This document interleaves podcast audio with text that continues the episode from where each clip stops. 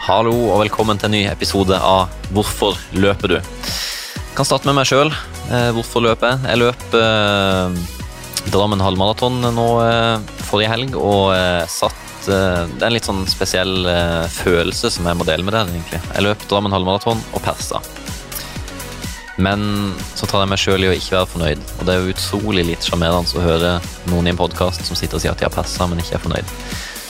Så har jeg latt det synke noen dager og finne ut at grunnen til at jeg er så misfornøyd, som er at eh, jeg klarte ikke å ta ut alt. Kroppen var liksom Det var et eller annet som murra. Jeg har ikke blitt ordentlig syk.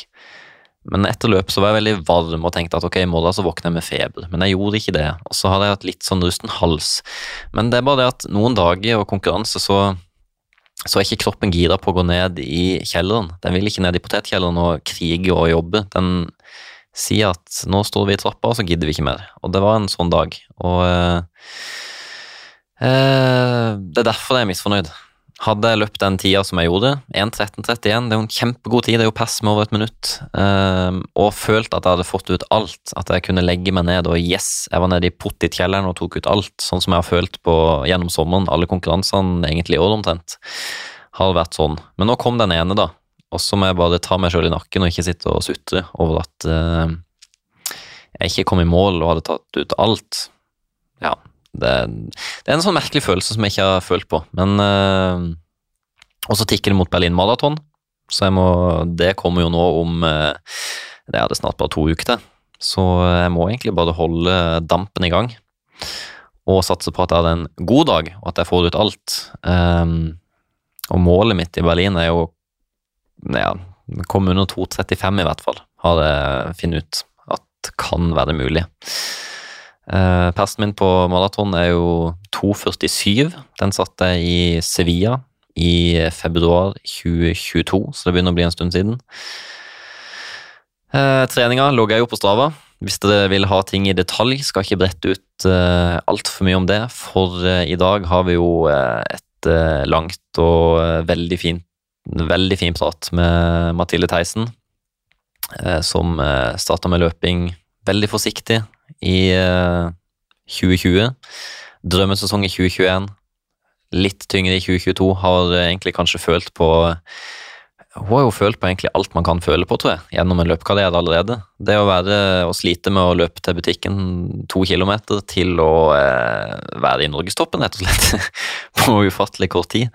Og kjenne på skade og oppturer, og hun har kjent litt på alt. Så jeg syns det var veldig interessant å bli bedre kjent med Mathilde og høre på alt hun har opplevd i løpet av karrieren. Og ja, så det er en veldig fin samtale som eh, jeg tror vi kom fint igjennom fra A til Å. Så jeg eh, tenker vi kan hoppe til det intervjuet, og så eh, ønsker jeg deg en god lytt.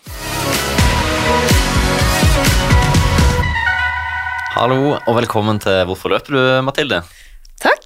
Jeg gleder meg til dette. Vi er jo på en måte, Jeg kjenner deg egentlig ikke så godt, selv om vi er klubbvenner. Så jeg gleder meg litt. Jeg, tror jeg er like spent som lytterne til å bli bedre kjent med deg. Så eh, jeg tenker vi bare kan sette i gang. Hvem er Mathilde? Så må du bare fortelle det du tror og føler er interessant. Skal jeg følge opp med noe hvis jeg føler at det er noe jeg lurer på? Ja, Det høres bra ut. Ja. Ja, hvem er jeg? Det er, hvem er alltid... du? Det er alltid sånn vanskelig spørsmål. Jeg er ja. ikke så glad i det sjøl, egentlig, men du kan jo prøve så godt du kan. Det er jo et stort spørsmål, men ja. Uh, ja. Uh, jeg uh, vokste opp i Asker. Eller jeg flytta dit da jeg var tre år. Mm. Før det bodde jeg i Oslo, på Slemdal. Um, og ja, i Asker retning Drammen. Ikke så mm. veldig langt unna Liereløpet. Ja. Så uh, hvis det er der, så er det gjerne en kjapp tur innom mamma og pappa før og etterpå. Ja, ok. Så det er liksom hjemmebaneløpet ditt, nesten? Det er det som er nærmest det er sånn fra hjemplassen? Uh, da de delte ut gratis softis uh, med startnummer etterpå, ja. så trengte ikke jeg å løpe for å få den gratis softisen, for det var så mange pappaer av tidligere klassekamerater som deltok, så jeg fikk bare startnummeret hit og fine. ja, så deilig. Nei, um, så der vokste jeg opp, og mm. drev eh, med mye forskjellig da jeg var liten, egentlig. Ja. Jeg gikk på Bjørg Gretes danseskole. Okay. Um, ene og alene fordi at eh, for hvert halvår du var medlem der, mm. så fikk du en litt større pokal. Ok. så jeg hadde den pokalhylla.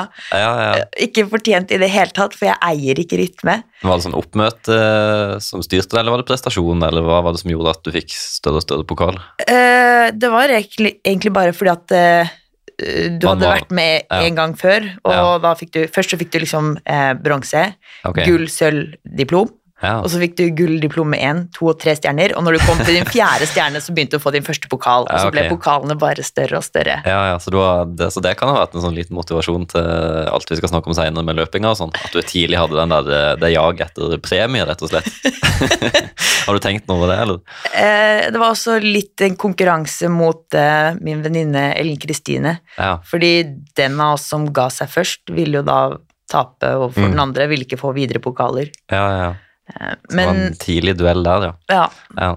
men jeg gikk også på barneidrett, eller allidrett. Mm. Eh, typisk som hvor du fikk prøve ski én til to uker om vinteren, og så Ja. prøvde du litt hopping, og Mm. vi var innom skytebanen. Eh, Syns du alt var morsomt, eller var du litt sånn var, alt, var, var du sånn ja, ja, ja, unge, som var med på alt? I hovedsak ja, fordi det er kanskje noe, Det er noe jeg er veldig fornøyd med, men Mm. jeg tar de fleste idretter relativt kjapt. Mm. Jeg er sånn høvelig bedre enn den jevne nordmann første gang jeg prøver en idrett. Mm. Så jeg syns jo generelt at eh, idrett og sport er gøy. Gym er gøy. Mm. Gøy med ting man mestrer kjapt. Yes. Det kan fort ha en sammenheng, ja. Og bevegelse. Mm. Eh, Så har alltid syntes at alle allidretten, det var veldig gøy. Mm. Det skumleste var kanskje da vi var, ble sendt i hoppbakken. Ja, det, det hadde ikke jeg turt. så lengst jeg hoppa Jeg hadde kanskje en pers på fem meter, tenker jeg, i en sånn hjemmelaga hoppbakke. Men jeg hadde aldri satt utfor en hoppbakke. Men det gjorde du. Uh, ja, vi fikk beskjed om å ta med enten langrennsski eller slalåmski. Så det var jo riktignok en barnebakke, da. Jo, jo, men uh, ja. Jeg ville ikke kalt det barnebakke. Ja, det var litt ubehagelig, Ja. det, det husker jeg. Husker du persen din? Nei. Nei. Men jeg husker at jeg var ikke veldig interessert i å hoppe altfor mange ganger. De andre Nei. kunne godt komme før meg i den køen. Ja, ja. Så veldig variert. eh, Hadde du Ja, så du deltok egentlig bare på mye forskjellig i oppveksten? Ja, i hvert fall eh, Jeg begynte på fotball relativt tidlig også. Så Mm. tidlig at vi hadde ikke noe jentelag. Nei. Um, det kom vel kanskje først i sånn tredje klasse på barneskolen eller et eller annet sånt noe. Mm. Og så spilte jeg egentlig fotball, det var min greie ut hele videregående. Ja. Eh, Så du spesialiserte deg på fotball ganske tidlig, da? Ja, Hadde du mye annet ved siden av samtidig? Ja, det, det liksom- turen, var inni der, og Ja. eh, Men det var vel i hovedsak fotballen som var der hele veien. Mm. Og litt plikt, Ja. for det er jo en lagfølelse. Mm. her, Du kan ikke, vi var ikke så mange, Nei. så hvis jeg ga meg, så ville det bli enda færre innbyttere. Ja. I tillegg så har pappa alltid hatt en eller annen form for laglederrolle, eller i de tidligere årene trener. Mm. Så veldig flink til å følge opp, men så lenge han var der, så måtte jo jeg også spille, ellers så hadde det vært Ja. litt rart. Var det sånn 50-50 plikt, 50-50 morsomt, eller var det Morsomt i den forstand at det var kanskje mitt sosiale liv utenfor skolen, Ja. Um, men vi var jo ikke gode.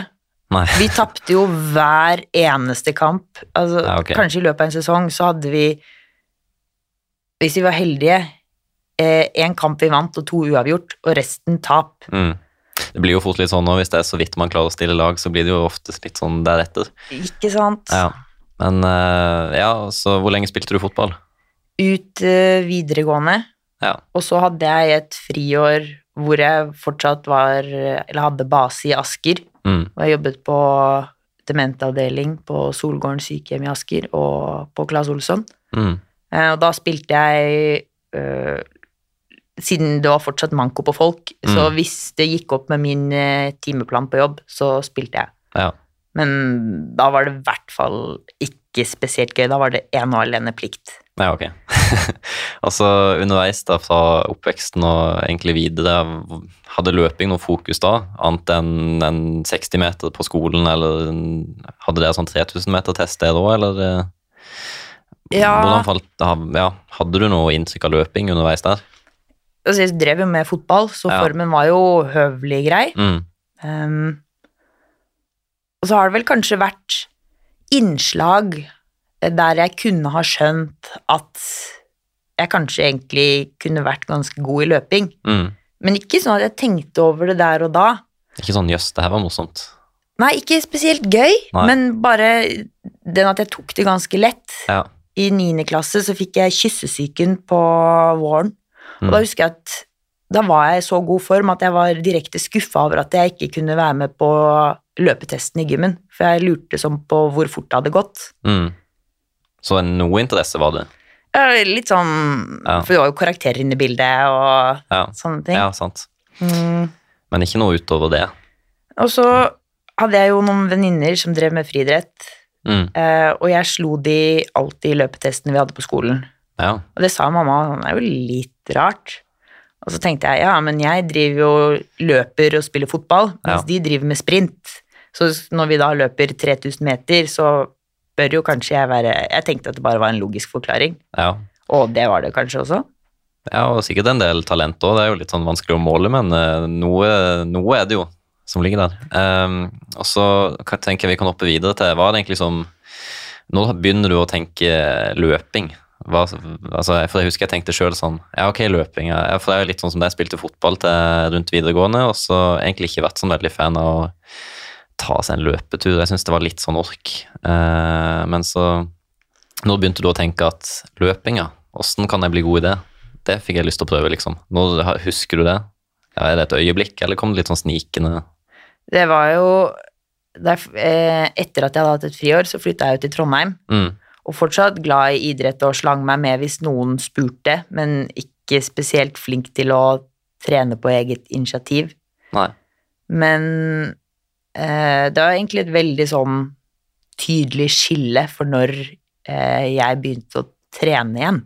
For Mm. etter å ha vært i Trondheim i mange år og bare formuen hadde liksom falt, Mm, og jeg hadde blitt eh, kjæreste og samboer med Ole Ravna, mm, eh, så kom det vel til et punkt hvor eh, begge var kjærestefeite, og det ja, var vet det, vet det. Eller ja, litt sånn Man savner jo fort i sofaen litt ekstra mye, og Ja, ja, det er mye god mat og eh, godteri og alt mulig. Oh, ja. Så glemmer man litt den der eh, mosjoneringa. Så jeg kjenner meg igjen i den, ja. Ja, men fortsett. Og jo lenger du på en måte eh, drar det den veien, jo Mm. vanskeligere er det å starte. Ja, ja. Eh, fordi jo dårligere form du er i, jo større og lenger blir den dørstokkmila. Mm, Så da eh, Nyttårsaften til 2020, rett før korona inntraff, så var vi i Berlin og feira med noen venner. ja. Og spontant så gikk det på nyttårsaften, mens vi var ute på en georgisk restaurant, så var det sånn Hva er nyttårsforsettene deres? ja. Jeg hadde ikke noe nyttårsforsett, jeg tror ikke Ole hadde tenkt på noen heller. Men da sa han at nei, han skulle gå ned i vekt og komme i bedre form. ja. Og så kom vi hjem derfra og var forkjøla som alle andre, og Mm, så litt uti i januar så var det litt sånn Ja, det var det der, ja. Kanskje vi skal prøve. ja, så dere bestemte det litt uti i januar. Det var ikke sånn s- 1. januar da. Det lot det synke litt, og så Ja. midt i januar da, så ja, ok, vi kjører på. Ja. Ja. Og da veldig rolig, da. Ja.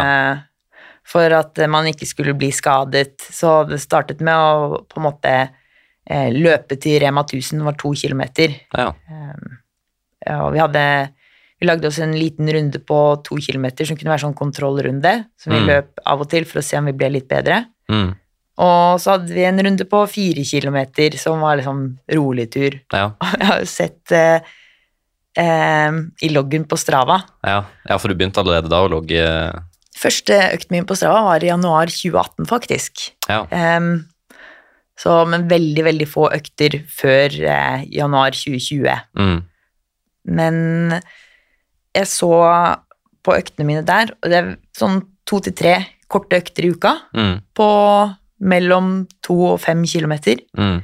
Høres jo veldig fornuftig ut. Det, det er veldig godt gjort når man er fersk og starter så fornuftig. Det tror jeg ikke jeg klarte helt. Jeg var nok litt mer ivrig i starten. Så det er jo veldig god oppskrift, tenker jeg.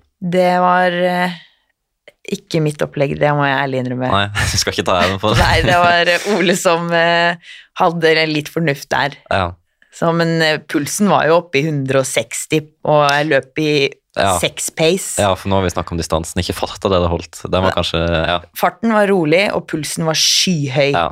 Men målet var egentlig bare at du skulle Du trengte ikke å gå fort. Nei. Eh, I hvert fall ikke de første rundene. Men mm.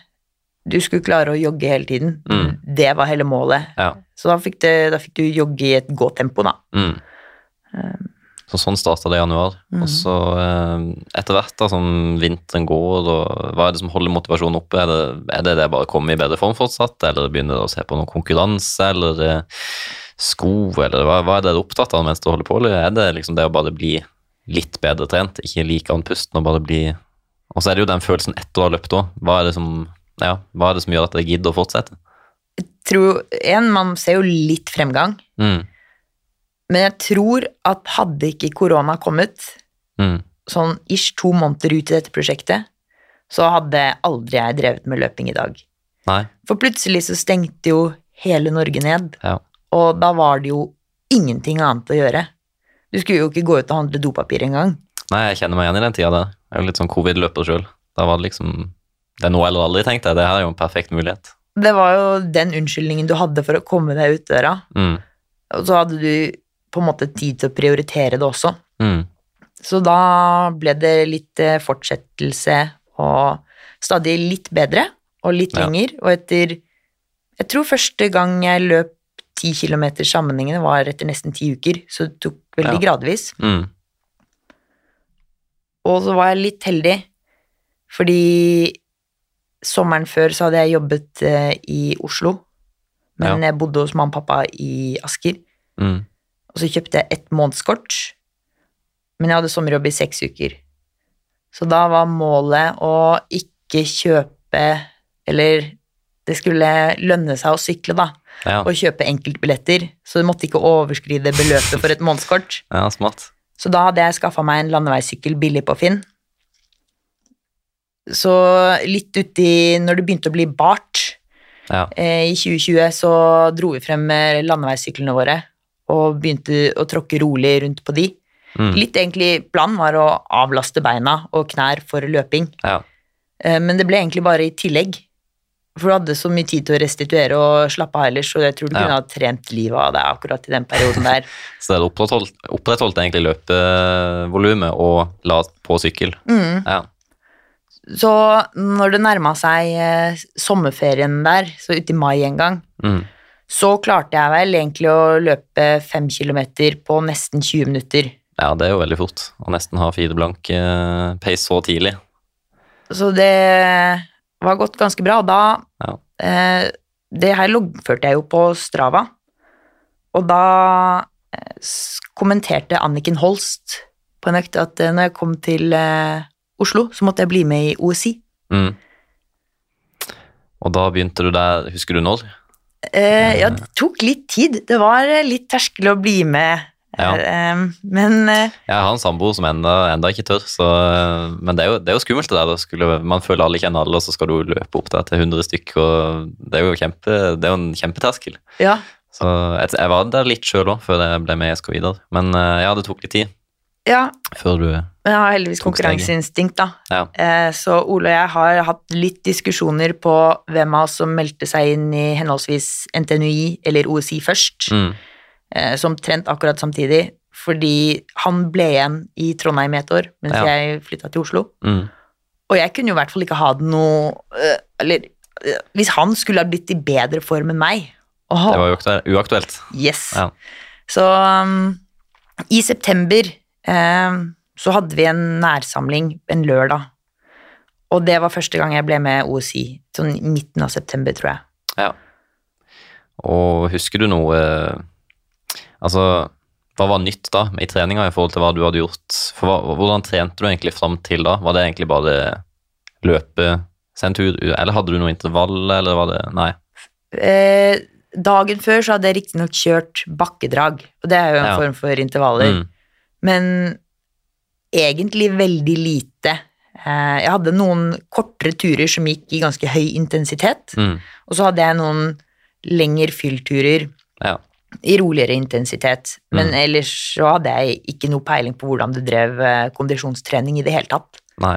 Så, du har tatt store steg allerede på egen hånd, da, så du kommer jo dit ganske godt trent, vil jeg si. Men uh, ja, også det var i september. Mm. Og hva skjer utover høsten? da hvordan går det, og hvordan opplever du treninga? Jeg fikk jo, Vi løp i sånne kohorter på rundt fem personer da, så ja. det var veldig hyggelig å mm. være der. Ja. Så det ble jo én jeg hadde, mange, jeg hadde veldig mange grunner til å være på disse treningene. Første, jeg skulle bli ikke dårligere form enn Ole, i hvert fall. Helst bedre. Eh, det var en sosial arena hvor jeg møtte fire andre. Og jeg hadde ikke så mye sosial input andre steder. Jeg satt på hjemmekontor og bodde i mm. et litt dårlig fungerende sosialt kollektiv. Mm. Så det var et par sånn, ja, jeg vet ikke hvor mange ganger i uka det var, men to, det var to tre, tre. ganger. Uh, men så kunne jeg da heller ikke ha noe av at de i kohorten min skulle bli i bedre form enn meg. Nei. Og når jeg da hørte at de drev og trente litt imellom, litt rolige turer, så begynte jeg også å implementere det, da. Ja, ja. Sakte, men sikkert så eh, For det var jo ikke sånn at jeg løp alle dager da jeg begynte i OSI. Nei, men man blir jo litt påvirka av miljøet man havner i. Jeg merker mm. det sjøl. Um, men jeg hadde du løpt noen konkurranse fram til da? Den uh, nei? Nei, men Du har jo mye interne konkurranse underveis, og det, det, er mye, det, er jo mye konkurranse allerede sånn Selv om ikke den løpekonkurranse, så har du jo mye sånn konkurranseinstinkt i deg, da. Ja.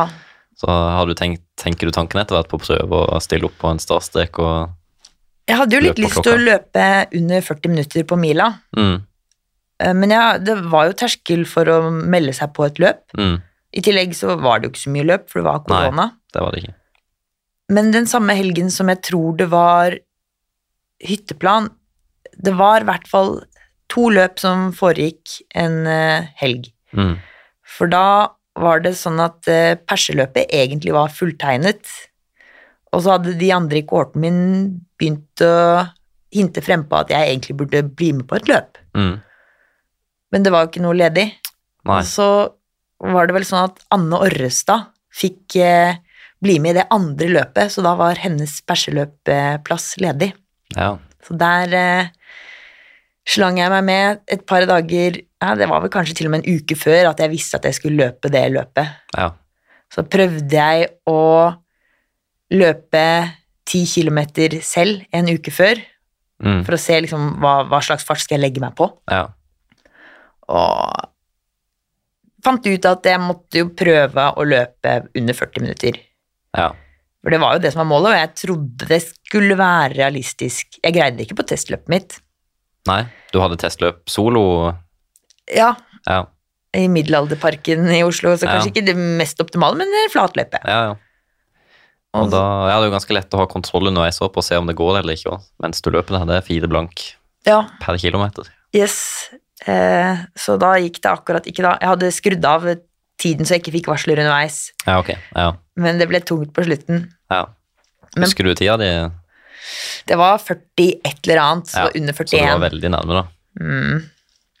Og da eh, var det sånn eh, grave seg ned-stemning, da, eller var det en kjempemotivasjon? Man kan jo ta det på litt forskjellig måte, det å ikke lykkes så mye som man vil. Husker du åssen du reagerte da, da du kom i mål og så tida di?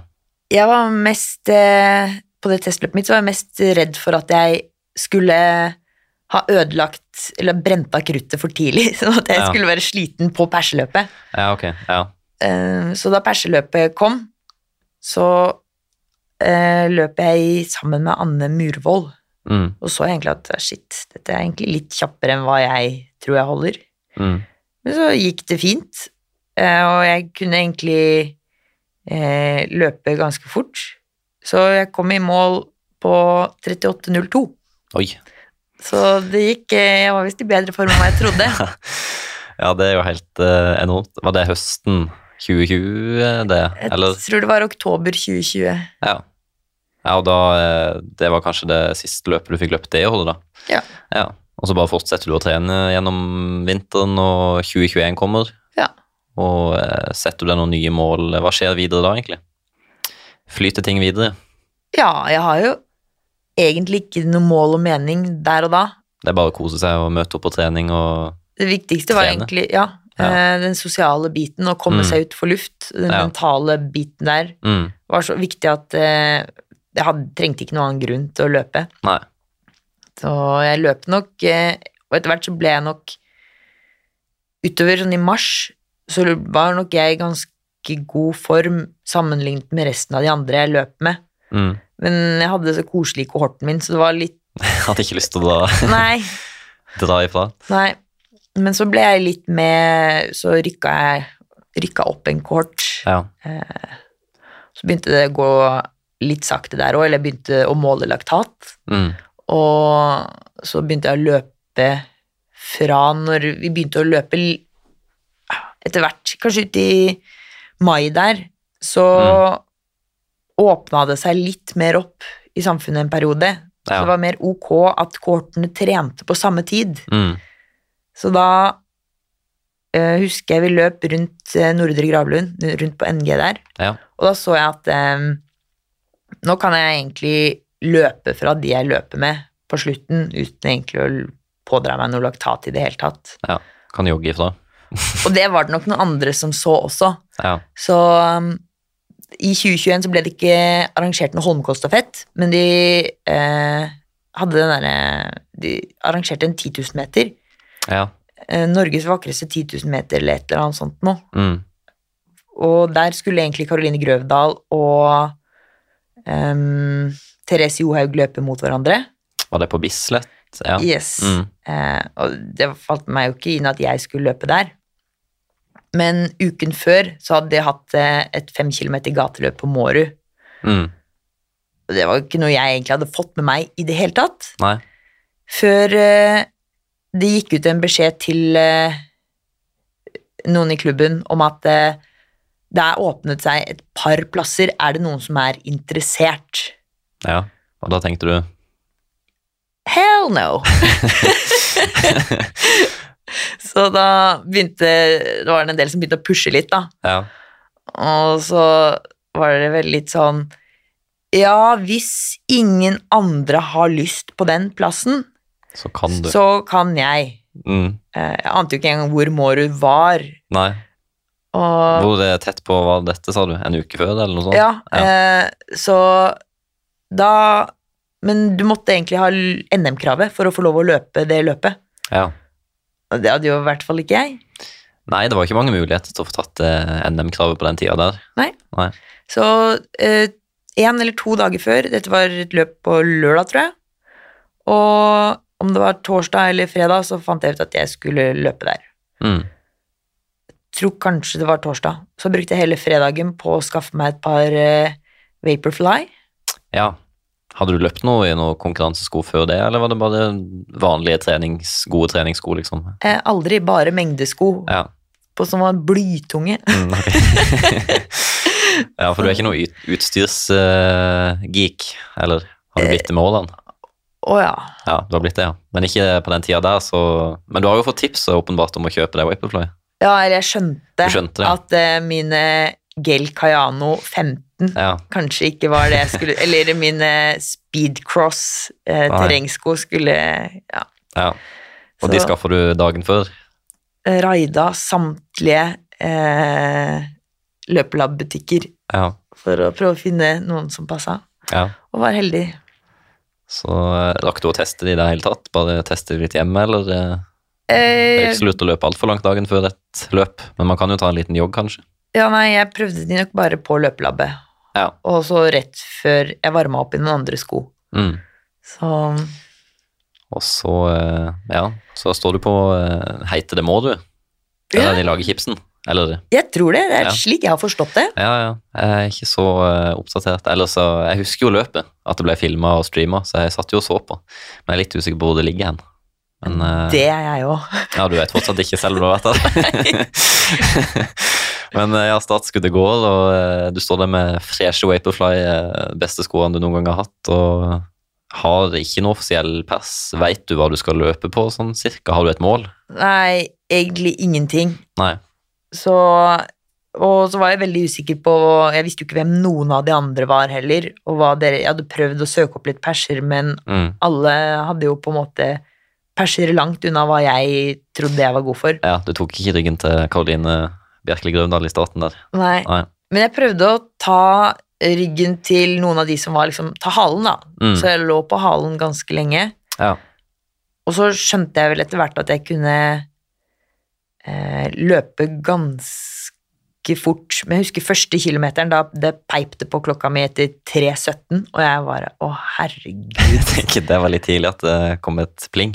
Hva, hva er dette? Dette blir en vegg. Ja. Jeg hadde aldri møtt den veggen før, men Nei. jeg skjønte jo at dette kom ikke til å gå. Ja, ja. Det er en, det er en litt eh, vond følelse, for jeg har vært der sjøl at det er jo ikke vondt i det det plinget kommer, men du vet at ok, det her kommer til å bli Mm. kjempevondt. Men eh, hvordan gikk det Eh, det gikk eh, bedre enn frykt da. Jeg kom meg under, så vidt under 17 minutter. Ja. 16.56 eller et eller annet sånt noe. Ja, det er jo veldig, veldig bra. I en eh, litt for kort løype, da. Så sikkert, Ja, det var vel noen meter for kort, ja, men det var jo ikke mye det var snakk om, var det det?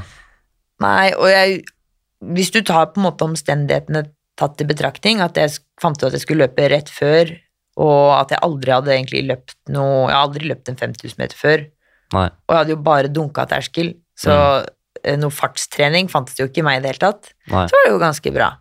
Ja, veldig. Um, og da er vi kommet til eh, våren 2021. Ja, det var i starten av mai, Ja. eh, så Og det løpet åpnet da at jeg fikk løpe den 10 000-meteren på Bislett eh, helgen etterpå, da. ja. Så da var det en ny Det kom Det fikk jeg vel også vite én til to dager før, så var det en ny runde på alle løper. Ja.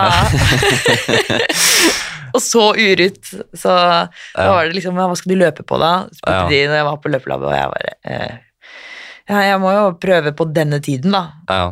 Ja, hva er det? Rundetid? Rundetid? Hva er det? Mm. så jeg var så ja, for du hadde omtrent ikke vært på en løpebane. Det var første gang jeg var på en løpebane. Ja. Hoppa i det, rett og slett. Ja, jeg fant eh, Sleit veldig med å finne inngangen til Bislett. Ja. Men til slutt så, så jeg en rygg hvor det sto Ingrid Kristiansen. ja. Og så tenkte jeg at hun vet sikkert hvor hun skal. Hun vet nok hvor, ja, hvor man skal gå hen inne på Bislett, ja. Ja, så ja. Så du kom deg inn, og startskuddet går der da. Har du, har du noe minne fra det løpet? Hvordan, mm, hvordan det føltes, og hvordan det gikk? da hadde jeg vel bestemt meg for å ta og holde ryggen til innebakken. Mm. Eh, hun løper jo mye fortere enn meg eh, på trening, så det skulle jo holde hardt, og det gikk ikke. Eh, så det var eh, Det åpna hardt, og det ble hardt. Og jeg husker hårfestet hennes bak i nakken. Ja. Og jeg husker at jeg hadde øvd veldig på at jeg skulle liksom fighte når det ble Mm. tungt. ja. Det var ikke noe fighting-instinkt i meg i det hele tatt. Plutselig hadde jeg bare liksom sluppet den ryggen. Ja, det, det er vanskelig der. Man kan sitte kvelden før og tenke at å, jeg skal være så tøff, jeg skal henge på uansett. Altså, men hvis man ikke har Noen ganger så går det bare ikke, selv om man har lyst. Mm. Ja. Men husker du sånn cirka når du måtte gi tapt på en måte da, og slippe ryggen? Rundt fem kilometer, tror jeg. Ja. Og da har du tolv og en halv runde Ja. videre som du skal jobbe. Så det var ikke en god opplevelse. Nei. Ja, men eh, nei, det husker jeg var første 10 000 meter på bane. Det, det, det er langt, altså. Det, Mhm. det, det er lenger enn 10 km på gate. oh, ja. det føles sånn iallfall. Ja, ja, ja. Ja. Men eh, hva husker du hva tida ble for noe? Sånn cirka. Om det var kontroll på. 35-42, eller Ja. rundt der, Ja. tror jeg. Eller Og da var persen din rundt 38, i hvert fall. Den var 38,02. Så, ja. Så så det skjedd ting den, det halve året cirka imellom. Ja. Og, Men det som var litt kult da, var at jeg hadde Det kom jeg på nå. Jeg hadde ett mål, Mm. og det var at rett etter at jeg hadde lastet ned Strava i 2018, Ja. så så dro jeg til Edinburgh. Mm. Og da hadde ikke jeg noe sånn spesielt god treningsklokke, men jeg hadde en uh, Samsung Galaxy sportsversjon. Mm. Første sportsklokka de hadde, tror jeg. Ja. Eh, og da tok jeg meg en løpetur. Var egentlig på fylletur med andre studenter. Mm. Men jeg tok meg en løpetur og fikk eh, masse sånn GPS-klikk. Så Strava hadde da registrert mars 2018 at jeg hadde løpt en eh, 10 000 meter, eller 10 km, på 36 et eller annet. ja, ok. Så det sto liksom på en måte som passen din på Strava? Ja, Ja. Så målet mitt var jo lenge da å ta den. ja. få en ekte pass mm. inn på Stravaen, ja. Og det ja. klarte jeg jo egentlig den dagen, ja. men uh, på Bislett så ble det bare 9, et eller annet. Ja, den kan uh, litt der òg. ja, så jeg måtte vente litt til med å ta den. Så ja. da var jeg liksom Yes, jeg greide det! Og så innså jeg at uh, nei, det gikk ikke likevel. ja, vi løper det er jo nesten sånn at hvis ikke det er ordentlig på Strava, så er det ikke ekte. Sånn som man var før med at man var ikke kjæreste før du var på Facebook. Vi er jo nesten litt sånn at det telles nesten ikke hvis ikke du får det bikka akkurat inn. Å, det er noe med det. Ja. 2021, ja. Og sesongen der er jo veldig god videre. Husker mm. du, Er det noen andre løp du vil Eller som du kan huske, som du vil peke ut som høydepunkt den sesongen? Alt var egentlig veldig bra. Mm. Jeg hadde jo én 10 000 meter til på bane. Ja. var på NM. Ja, For da hadde du tatt kvalikkrav, til både 5 og 10 000, egentlig. Og da hadde vi jo ikke noe krav på 10 000 meter. Nei, det var ikke krav da engang. Så... Men 5000 hadde jeg tatt uh, litt tidligere. Ja. Så Eh, ja, og det året så var det første helgen i september eller noe sånt nå, og vi var i Kristiansand. Mm. Så veldig fin helg, men da også hadde jeg bestemt meg for å ta en rygg som var helt urealistisk, så smellen kom etter omtrent fem kilometer da òg, og det var så ja. tungt. Så jeg har ikke egentlig hatt noen sånn spesielt gode opplevelser på 10 000 meter Bane? Nei. Nei. Uh... Men i år så har det vært litt annerledes.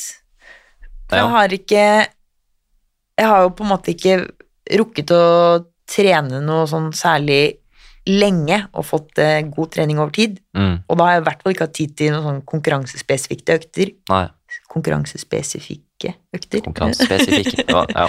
Så um, når jeg da løper konkurranse, så har jeg jo ett gir. Mm. Og det er litt kjappere enn terskel. Ja. Og da, det tempoet kan jeg trave i Nesten et maraton. Gud vet hvor lenge. det, det er jeg jo interessert i å finne ut, da. Det tror jeg kan, være, det tror jeg kan gå, gå ganske langt. Mm. Ja. Men da rekker du å kose deg ganske mye. Du rekker å se hvem som er på tribunen. Ja. Uh, og ja Kose ja. deg ganske mye, rett og slett. Mm. Ta inn stemninga. Ja. Det, det syns jeg er det fine med bane. Jeg har ikke løpt så mye 10 000, da jeg holder meg mest på 5000 på bane, men det er litt koselig at uh, du løper jo forbi de samme ganske mange ganger ja. gate, så det kan bli ganske god stemning. Og jeg liker best løp hvor det er litt heiing og litt trøkk. Jeg har blitt litt lei av disse løpene ute på åkeren hvor ja. det er bare ingenting. Ene og alene for å sette en ny pers. Ja, det var litt gøy under covid, men nå, nå, vil jeg ha mest mulig folk som står og heier. Jeg vet ikke om du også er sånn. Noen er jo motsatt, de vil jo helst ikke ha så mange som ser på. Da, da glemmer litt, man litt at man løper. Ja. Så det er veldig Du får på en måte noen kilometer gratis i mm. bare at det skjer litt ting rundt deg. Ja, ja. Veldig deilig. Ja. Eh, for jeg fant en sak ofte av Aftenposten i, på slutten av 2021.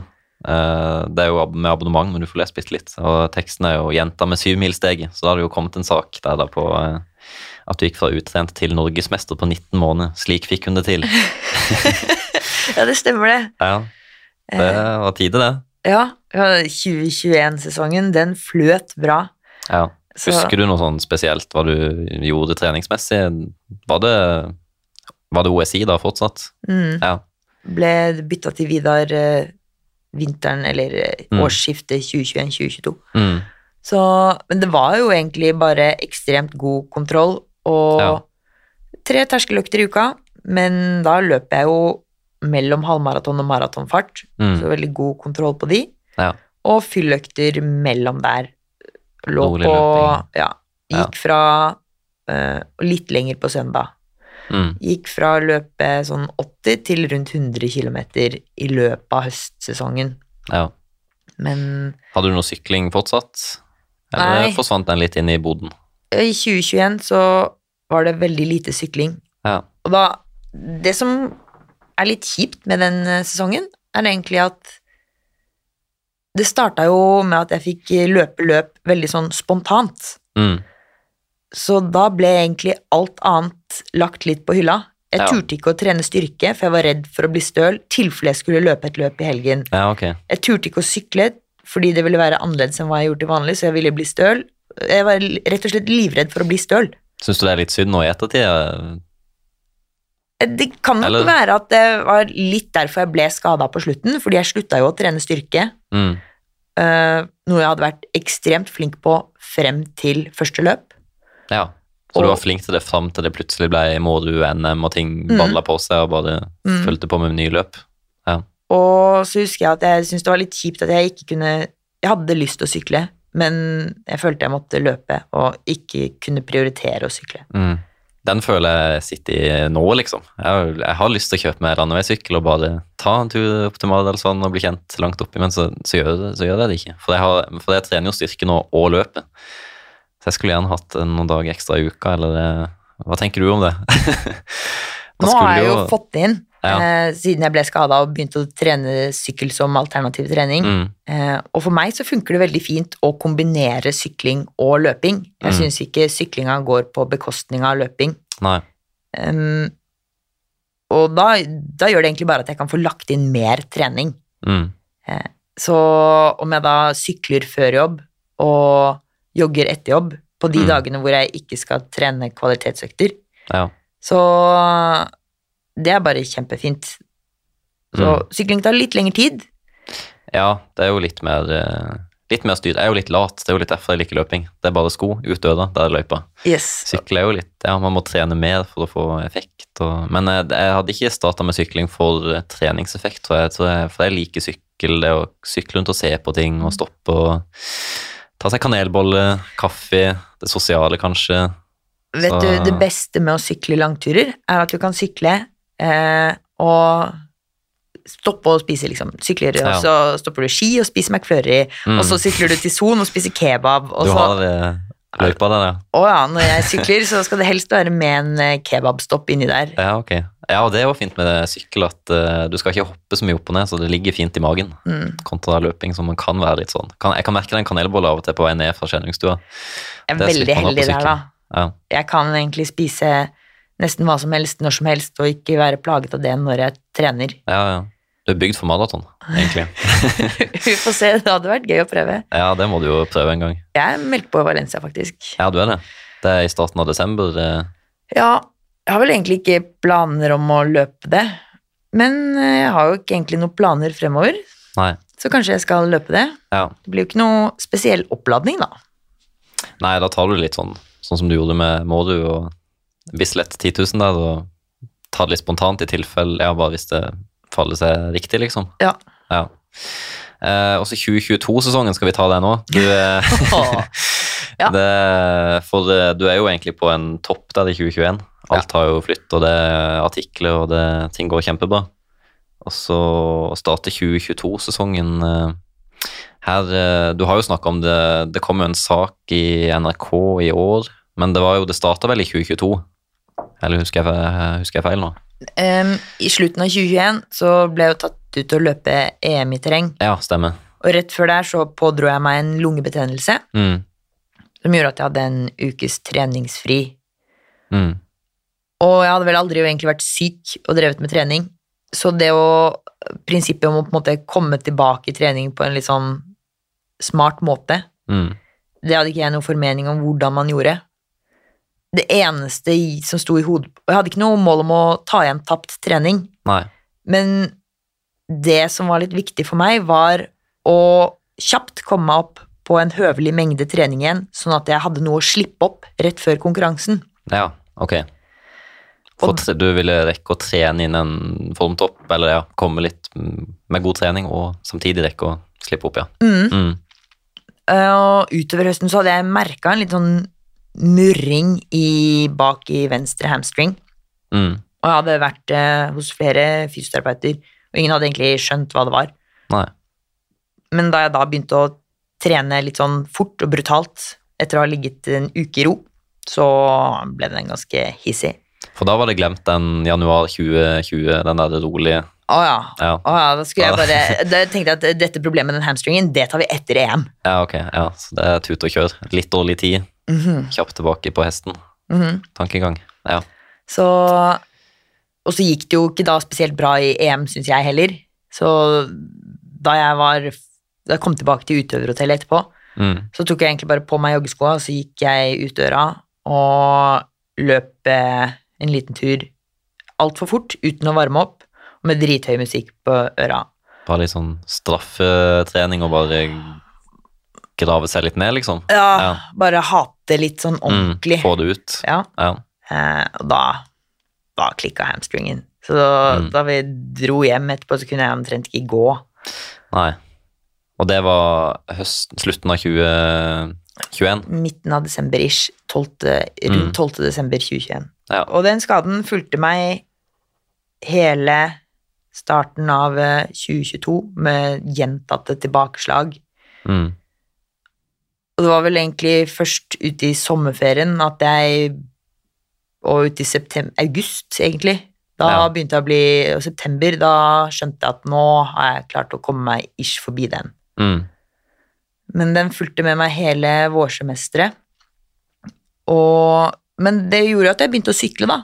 For det Ja. fant jeg ut at jeg kunne fase inn at det gikk bra. Mm. Og jeg sto ekstremt mye på ellipsa. Ja. Så Og det kunne du også gjøre helt uten vondt. Ja. Ja. Jeg har i ettertid lurt på om det var det at jeg sto så mye på ellipsa som gjorde at det tok så lang tid før denne skaden gikk over. Og at okay. det kanskje egentlig ikke var så skånsomt som det jeg opplevde. Men jeg fikk verken vondt under økt eller etterpå. Nei. Eh, Så jeg trodde ikke det hadde så mye å si. Men Nei. kanskje det egentlig gjorde at det leget saktere. Det får man aldri svar på, men eh, ja. Og eh, hvor er du nå, cirka? For nå er vi midt uti Du snakker litt om eh, det er hamstringen, og det Ja, du blir liksom aldri helt sånn Nå er du 100% Nei, nei, så sakte, men sikkert eh, så trener jeg meg opp flere ganger. mm. Og så blir det tilbakeslag eh, for en eller annen idiotisk årsak. Om det er for at jeg ikke klarer å styre meg, og at jeg løper tre skritt for å komme meg inn på T-banen idet dørene lukkes. Mm. Eller og, Ja, bare sånne små impulsive handlinger som gjorde at eh, jeg ikke Det som er ekstremt vanskelig å styre, men det var så skjørt at eh, da kunne jeg bli satt helt tilbake igjen. Mm. Eh, og så etter å ha hatt en sånn 2021-sesong, man stresser kanskje litt og etter å komme tilbake igjen til den flowen, og man vil jo egentlig bare, man vil jo bare tilbake igjen og bli ferdig med dritt, liksom. Så man blir jo stressa på en måte òg. Man har jo dårlig tid, og man Ja, vil jo bare kunne gjøre det man liker. jeg ville jo løpe for å være sosial og for Ja. å komme meg ut, og så ble jeg stående alene inne på ellipsa. Mm. Det Ja. var jo ikke så veldig gøy. Nei. Um, og så Ja, for det, etter hvert år så får du jo eh, rett og slett eh, startnekt òg. Det var vel eh, Hvor langt Nå husker du Når var det du fikk det? Det var nok på høstsemesteret der. Ja. Men utover våren så går det ikke så bra på hjemmebane med Ole og meg. Mm. Og det som er veldig fint, er at jeg har sykling, så jeg sykler masse, Mm. samtidig som jeg ellipser mye. Ja. For det er på en måte alle kvalitetsøktene mine her for å få trent hjertet. Mm. Eh, og jeg vil helst ikke være altfor mye hjemme.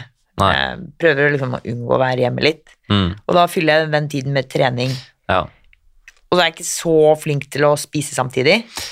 Nei, altså hvis man har uh, dårlig stemning på hjemmebane og har et enormt treningsvolum som du har Man mister jo kanskje ofte matlyst og sånn òg hvis man har en krangel. Jeg kan jo merke bare jeg har krangla en kveld med Andrea, liksom, så er man jo Man har jo en sånn vond følelse i magen, og det er liksom ikke mat man det er den Sulten forsvinner litt. Ja. Og når du i tillegg har sånne enorme treningsmengder, så kan det jo smelle etter hvert, da. Jeg merka det jo ikke selv, men Nei. når jeg på en måte hadde 25 timer trening i uka, Mm. så Jeg prøvde jo å spise mer, eh, men jeg spiste jo åpenbart ikke nok. Nei. Eh, Så merka jeg vel kanskje at jeg ble litt tynnere, men det tok Det var vel ikke før jeg på en måte rett før eh, Ole og jeg skulle til Frankrike på høydeopphold, Mm. i midten av august, så hadde jeg lest at det var lurt liksom sånn, ta litt blodprøver og gjøre litt sånn Mm. kontrollsjekk av kroppen før du drar. Ja. Og da gikk jeg også på vekta, og så, og så er jeg bare sånn Hva i helvete? For høsten før så hadde jeg jo fått en liten sånn advarsel, et wake-up call, ved at jeg Ja. hadde vært eh, Før jeg skulle delta på nordisk og EM-terreng, Mm. så måtte jeg ha et sånt helsesertifikat. ja. Og Og da sjekker man eh, alt mulig. Eh, der, du må i hvert fall gjennom eh, en samtale med en eh, forhåndsgodkjent person. Mm. man snakker litt om på en måte hva, ernæring og hvordan egentlig typisk en dag ser ut hos deg. Ja. Og ut fra hva du svarer, så mm. går det enten fint, eller så er det liksom litt videre oppfølging. Ja, ok. og da jeg sånn beskrev hva jeg spiste, så var det litt sånn Kanskje du spiser litt lite melkeprodukter. Vi sender deg på en DEXA-måling for sikkerhets skyld. Ja, okay. Som måler bl.a. beintetthet. Da. Mm. Og da kom jeg litt dårlig ut. Eller jeg kom ut omtrent som den jevne nordmann. Og okay. det skulle jo egentlig forvente at jeg som driver og løper og dunker skjelettet mitt hele tiden, skulle ligge ganske mye bedre an enn det. Ja, for hvis man trener og er i fysisk aktivitet og får i seg nok, så har man jo høy beintetthet. Mm. Ja. Så da skjønte jeg at det jeg veide da, eh, høsten 2021, det var kanskje litt lite. Mm. Og når jeg da gikk på vekta før jeg skulle på høydeopphold i august 2022, så, så, veide jeg mindre enn det. Ja. Så da tok jeg faktisk kontakt med Idrettens helsesenter og sa Jeg vil gjerne ha en ny Dexa-måling, jeg. Mm. Eh, men det var jo sommerferie da jeg gjorde dette, ja, okay. og du blir ikke bare henvist sånn helt uten videre. Eh, Nei. Du må gjennom en samtale her og der, og så videre og så videre. Så mm. det rakk jeg jo ikke før jeg dro. Nei. Tenkte jeg ikke så mye mer på det. Før Nei. jeg kom tilbake, og jeg løp ti for Grete. Mm. Det gikk unna. Ny pers. 33,17. Og mm. hytteplanmila en måneds tid etterpå, midten av oktober, 33,15. Mm. Så du løper fortsatt ganske fort? Mm. Ja. Da var jeg liksom kommet meg Da hadde jeg klart å komme meg forbi denne hamstringskaden mm. og trent eh, meg gradvis opp og fått fire gode uker i høyden. Mm. Og da fløt det egentlig ganske bra. Eh, men eh, fortsatt eh, litt sånn kjipt på hjemmebane og ikke flink nok til å spise, se ettertid. Mm. Ja, det, er ikke, men det kan være umulig å se når man er i bobla. Og... Jeg så ikke det.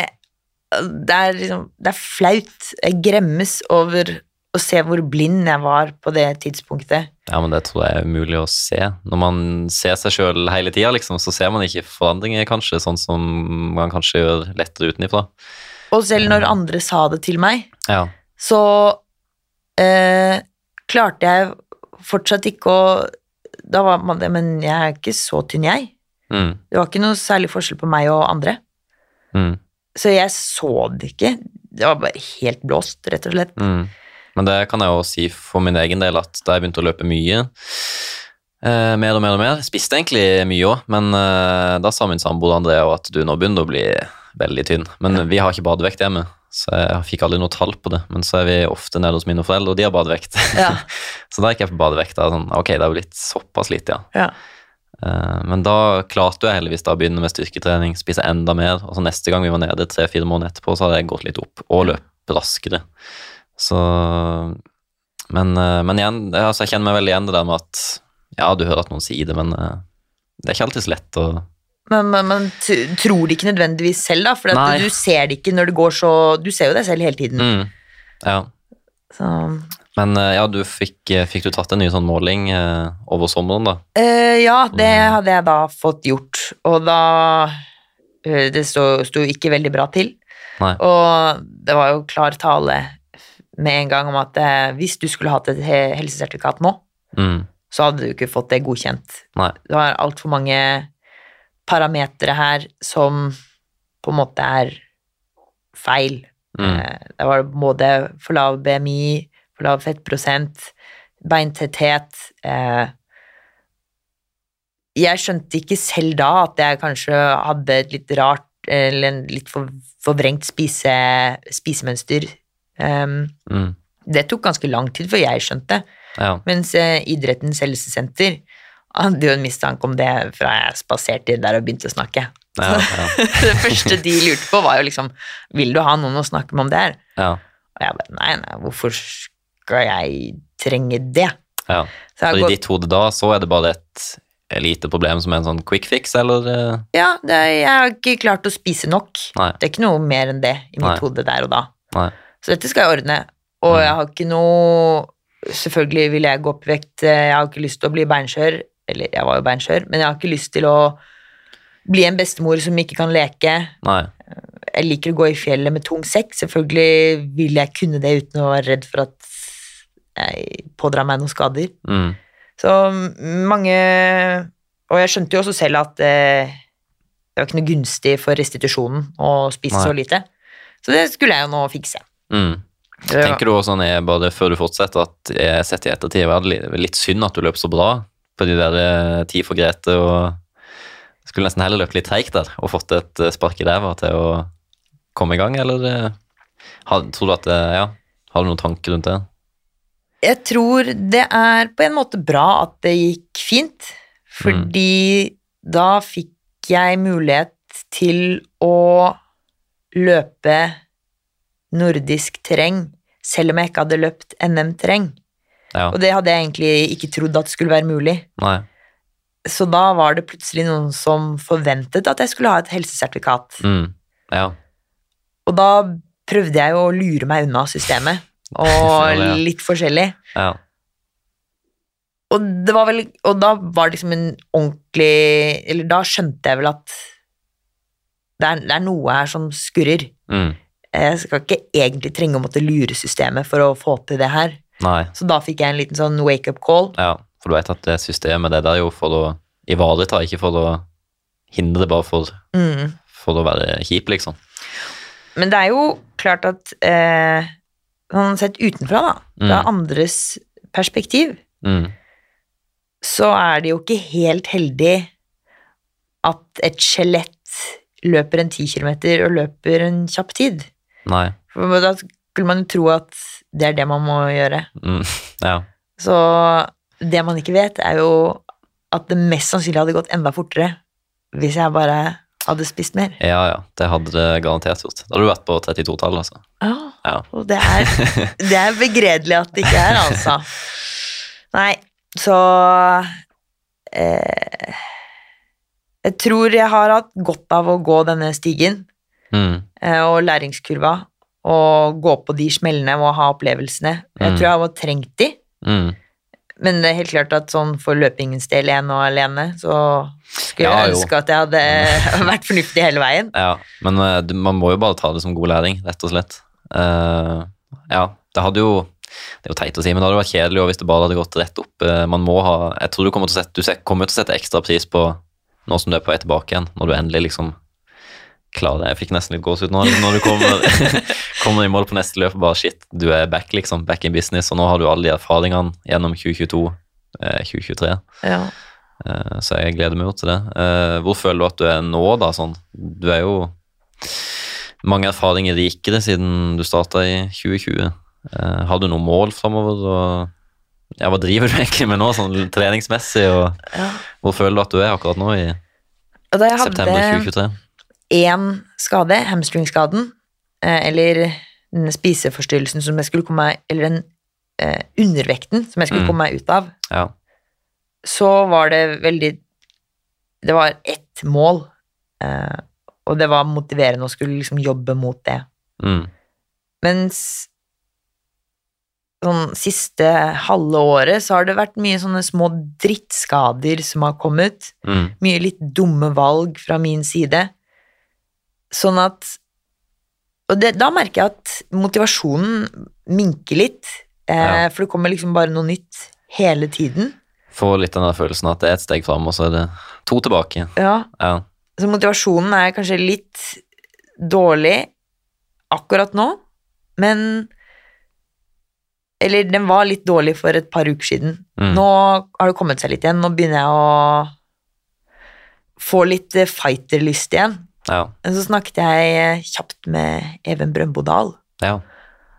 At i takt med at eh, liksom, alle disse små skadene kommer, så blir jeg på en måte mer utålmodig på å komme tilbake. Mm.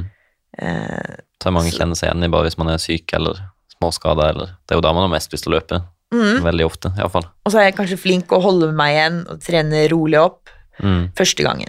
Og Ja. så får jeg en skade, og så prøver jeg å snike meg litt unna, da. Ta trappa litt kjappere, Ja. og litt kjappere og litt kjappere. Så Ja. nå har jeg bare bestemt meg for at nå skal det gjøres grundig. ja. Skikkelig stort prosjekt. Yes. Ja. Nå skal jeg få med meg noen på laget, for til nå så har det liksom vært jeg selv som har stått i opplegget. Mm. Og det viser seg jo at jeg klarer ikke å se min egen trening utenfra. Nei, det kan være vanskelig, det, altså. Det er ofte lurt å få litt andre, andre meninger. Det, det, er lett å trene andre, men det er liksom det med seg sjøl At det skal være så vanskelig. Og man blir så blind. Ja, ja. Så jeg, Og så er jeg jo veldig klar over at jeg er blind på min egen trening. Mm. Men jeg skjønner bare ikke hvor jeg er blind. Nei, nei. jeg skjønner faktisk hva du mener. så, nei uh, Så hva målet er nå, det er uh, Jeg vil løpe fort. Jeg vil fortsatt komme til EM neste år. Mm. Ergo så må jeg løpe kjappere enn 32,20. Ja. Så, Men det har du gjort. Kroppen husker, husker gamle tider. Jeg er jo ikke egentlig så redd for på en måte kondisjonen der. Jeg er mest redd for at jeg ikke skal klare å bygge meg opp mm. uten å få en ny skade. Nei. Så hvis jeg klarer det, så håper jeg at det Eller da har jeg troa på at det skal gå. Mm. Få en solid base i bånn der, som bare er stødig. Ordentlig stødig. Mm. Ikke noe som er snekra sammen i hui og hast. Så akkurat nå så er det veldig lite trening for tiden. Ja. Eh, det er eh, Forrige uke løp jeg ingenting. Uka før der ti kilometer. Sju kilometer før det. Og, synes det høres bra ut, det. At ikke ja. det er rett på fullt kjør. Og så har jeg nå trappa ned, så nå har jeg ikke kjørt ellipse på lenge heller. Så nå, nå, trener jeg rett og slett verken hjerte eller kondisjon. Det er bare mm. litt sånn rolig av og til. Mm. Og eh, kanskje litt eksplosivt når jeg driver og pendler til jobb på sykkel, for jeg er så jeg skjønner ikke hvem jeg blir idet jeg blir en pendlersyklist. Det er en helt annen person enn hvem jeg er vant til å være. Er du en sånn hissigpropp liksom, på billiste og fotgjenger og alt mulig, eller? Ekstremt! Ja. En, hvis jeg ser en syklist foran meg, så er det jaging med en gang. Om ja. det er en treåring på trehjulssykkel, eller om det er en pensjonist med gul vest, ja. eller en annen relativt høvelig god syklist. Ja. Jeg skal ta han eller henne. Så ingen sånn impulskonkurransekontroll. Er det noe medfølelse for løpere i sykkelfelt? Det har jeg heldigvis ikke møtt så mye på. Nei, Du har ikke vært på Fognerkilen? Eh, jo da, men da ja. ah, Fys! Oh. Altså, sånn, folk som kommer på sparkesykkel, ja. eller på bysykkel, ja. eller elsykkel De Altså de som er på Ok, de har alle hvert sitt problem. De ja. som kjører elsykkel, mm. de er gjerne ikke veldig eh, vant til å være i trafikken. Nei. De skjønner ikke hvor fort de kan kjøre, eller hvor tunge de er. Mm. I tillegg så tror jeg de er eh, livredde for å være i nærheten av andre fordi de er så utrygge i trafikken selv. Mm. Eh, så det er ganske vanskelig å passere dem. Plutselig ligger, så svinger de litt slalåm og Ja, og så ligger de gjerne eh, på hvitstripa i, liksom, i midtfeltet mellom, på Frognerkilen, for eksempel, da. Ja. Um, så det er en utfordring å passere de.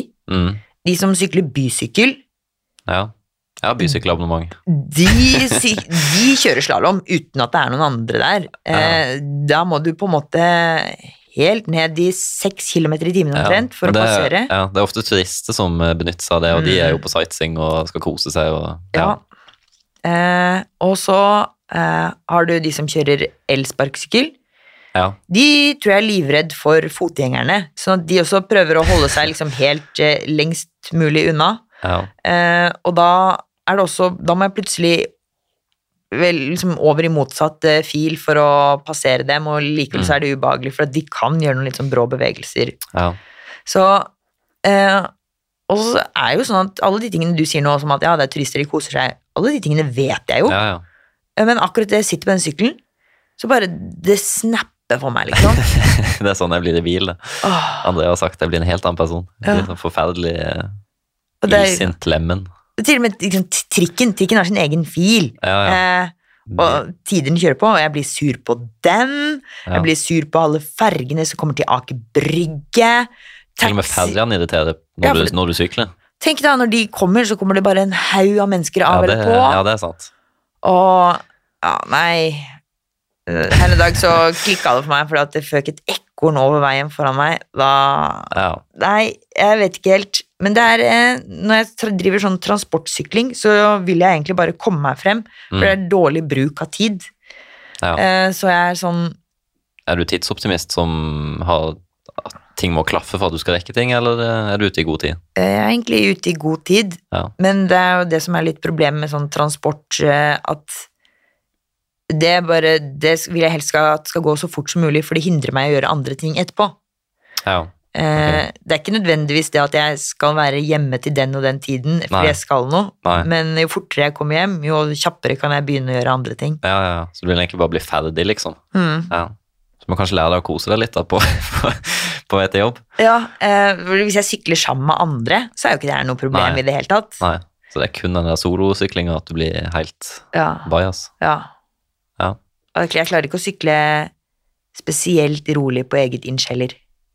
Da er det et Nei. jag mot klokka. Mm. Ja, men det kan jeg jo kjenne på på bysykkelen, både på hjem fra jobb, liksom, at jeg, jeg tråkker på, liksom. Blir liksom litt sånn svett, helt unødvendig, må nesten gå i dusjen. Ja. Jeg kunne jo bare kost meg hjem. Det er ikke noe jeg skal rekke. Ja. Men uh, det er kanskje noe som ligger i noen av oss.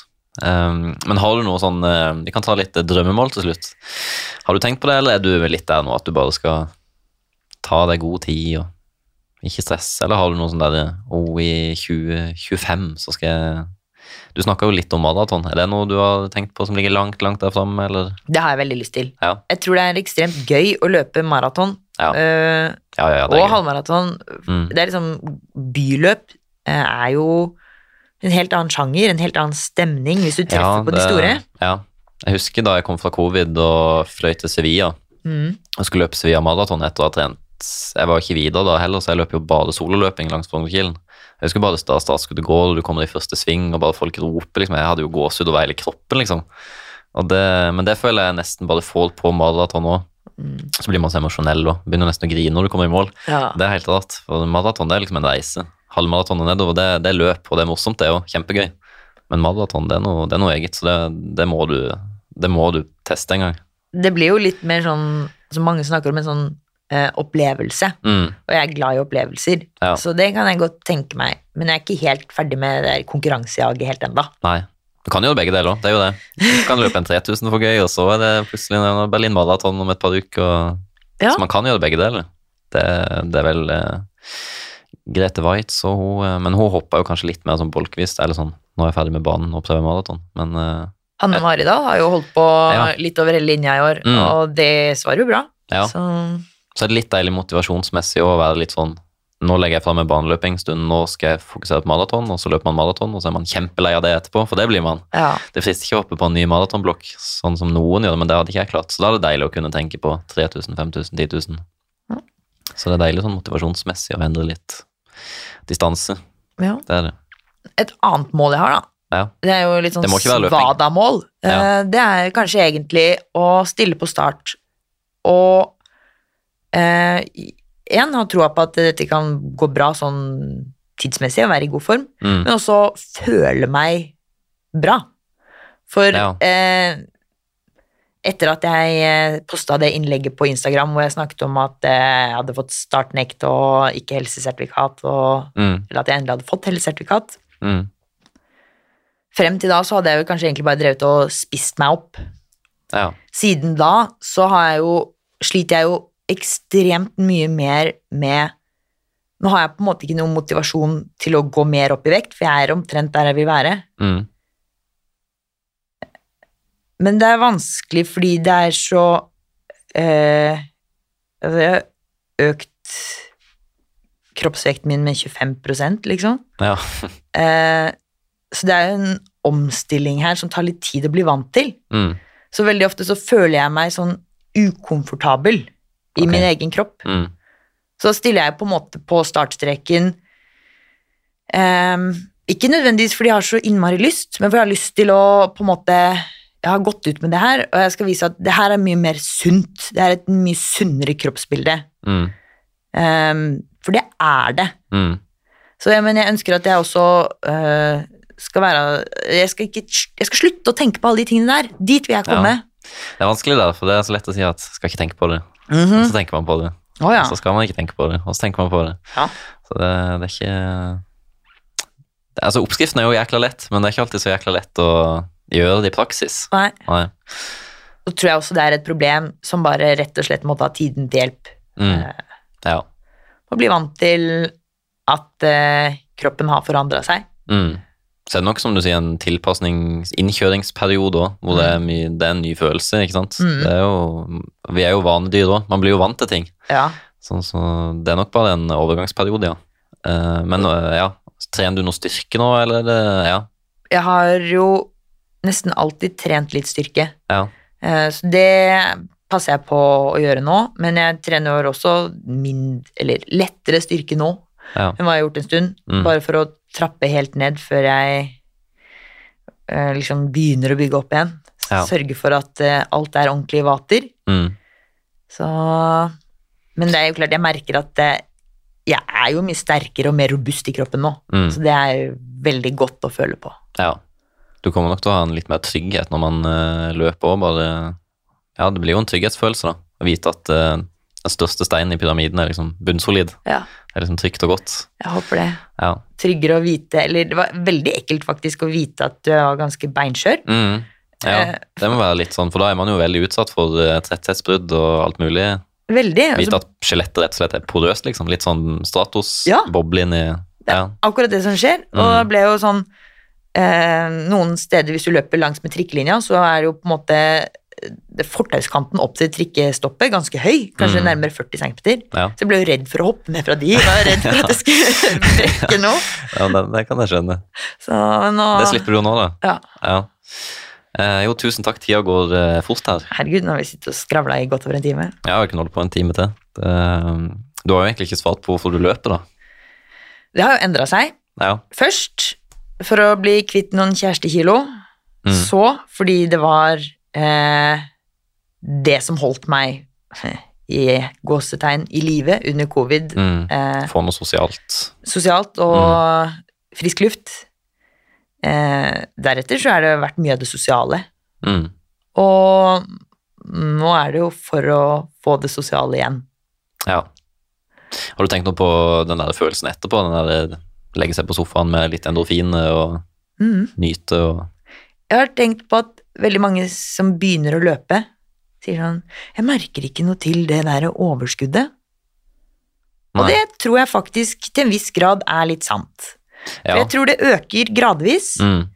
Um, så du, og i takt med det så kan du begynne å gjøre mer ting. Så du Ja. merker ikke nødvendigvis at du har mer energi, fordi du Nei. bruker det jevnt utover på mange flere ting. Mm. Eh, Men det jeg merker, er når jeg da ikke har trent på en stund, og så tar en litt sånn ordentlig økt etterpå. Ja. Altså, Fy søren, så runners high jeg får. Ja. Det bare Jeg er så glad. Jeg er rusa på et Mm. eller annet. ja. Eh, Og da er Det- veldig deilig å kunne bare knyte av seg skoene og slappe Ja. litt. Men ja, det er fint at uh, hvorfor man løper det, altså Motivasjonen endrer seg jo hele tida, egentlig. Det er liksom ikke den ene tingen. Så det er jo Det varierer jo hvor sterkt man er motivert av forskjellige ting. Mm. Ja. Nei, men lykke til. Shit, uh, jeg gleder meg til å se deg løpe videre og følge løpekarrieren. Jeg gleder meg til å ligge i tog med deg igjen. Altså. Ja, det er litt slitsomt å være i tog med deg òg, for du prater jo så mye. Jeg er jo litt mer sånn der jeg kan si noen ord, liksom. Det har jeg tenkt på at shit, åssen klarer du å Du kunne jo kjørt et intervju med noen, du, på, eh, på økt. Uff. Det hadde ikke jeg klart på den farta der. Uff, uff. Men jeg gleder meg jo til å ta det tilbake. Det håper jeg skjer eh, ganske snart. Jeg òg. Så lykke til videre med sesongene. Tusen si. takk. Og så gleder jeg meg til å se deg på maraton der. Det tror jeg det kan gå fort. Jeg håper det. Ja. Jeg gleder meg, jeg òg. Takk for at du kom.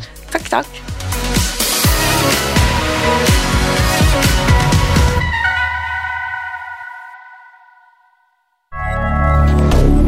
Moderne media.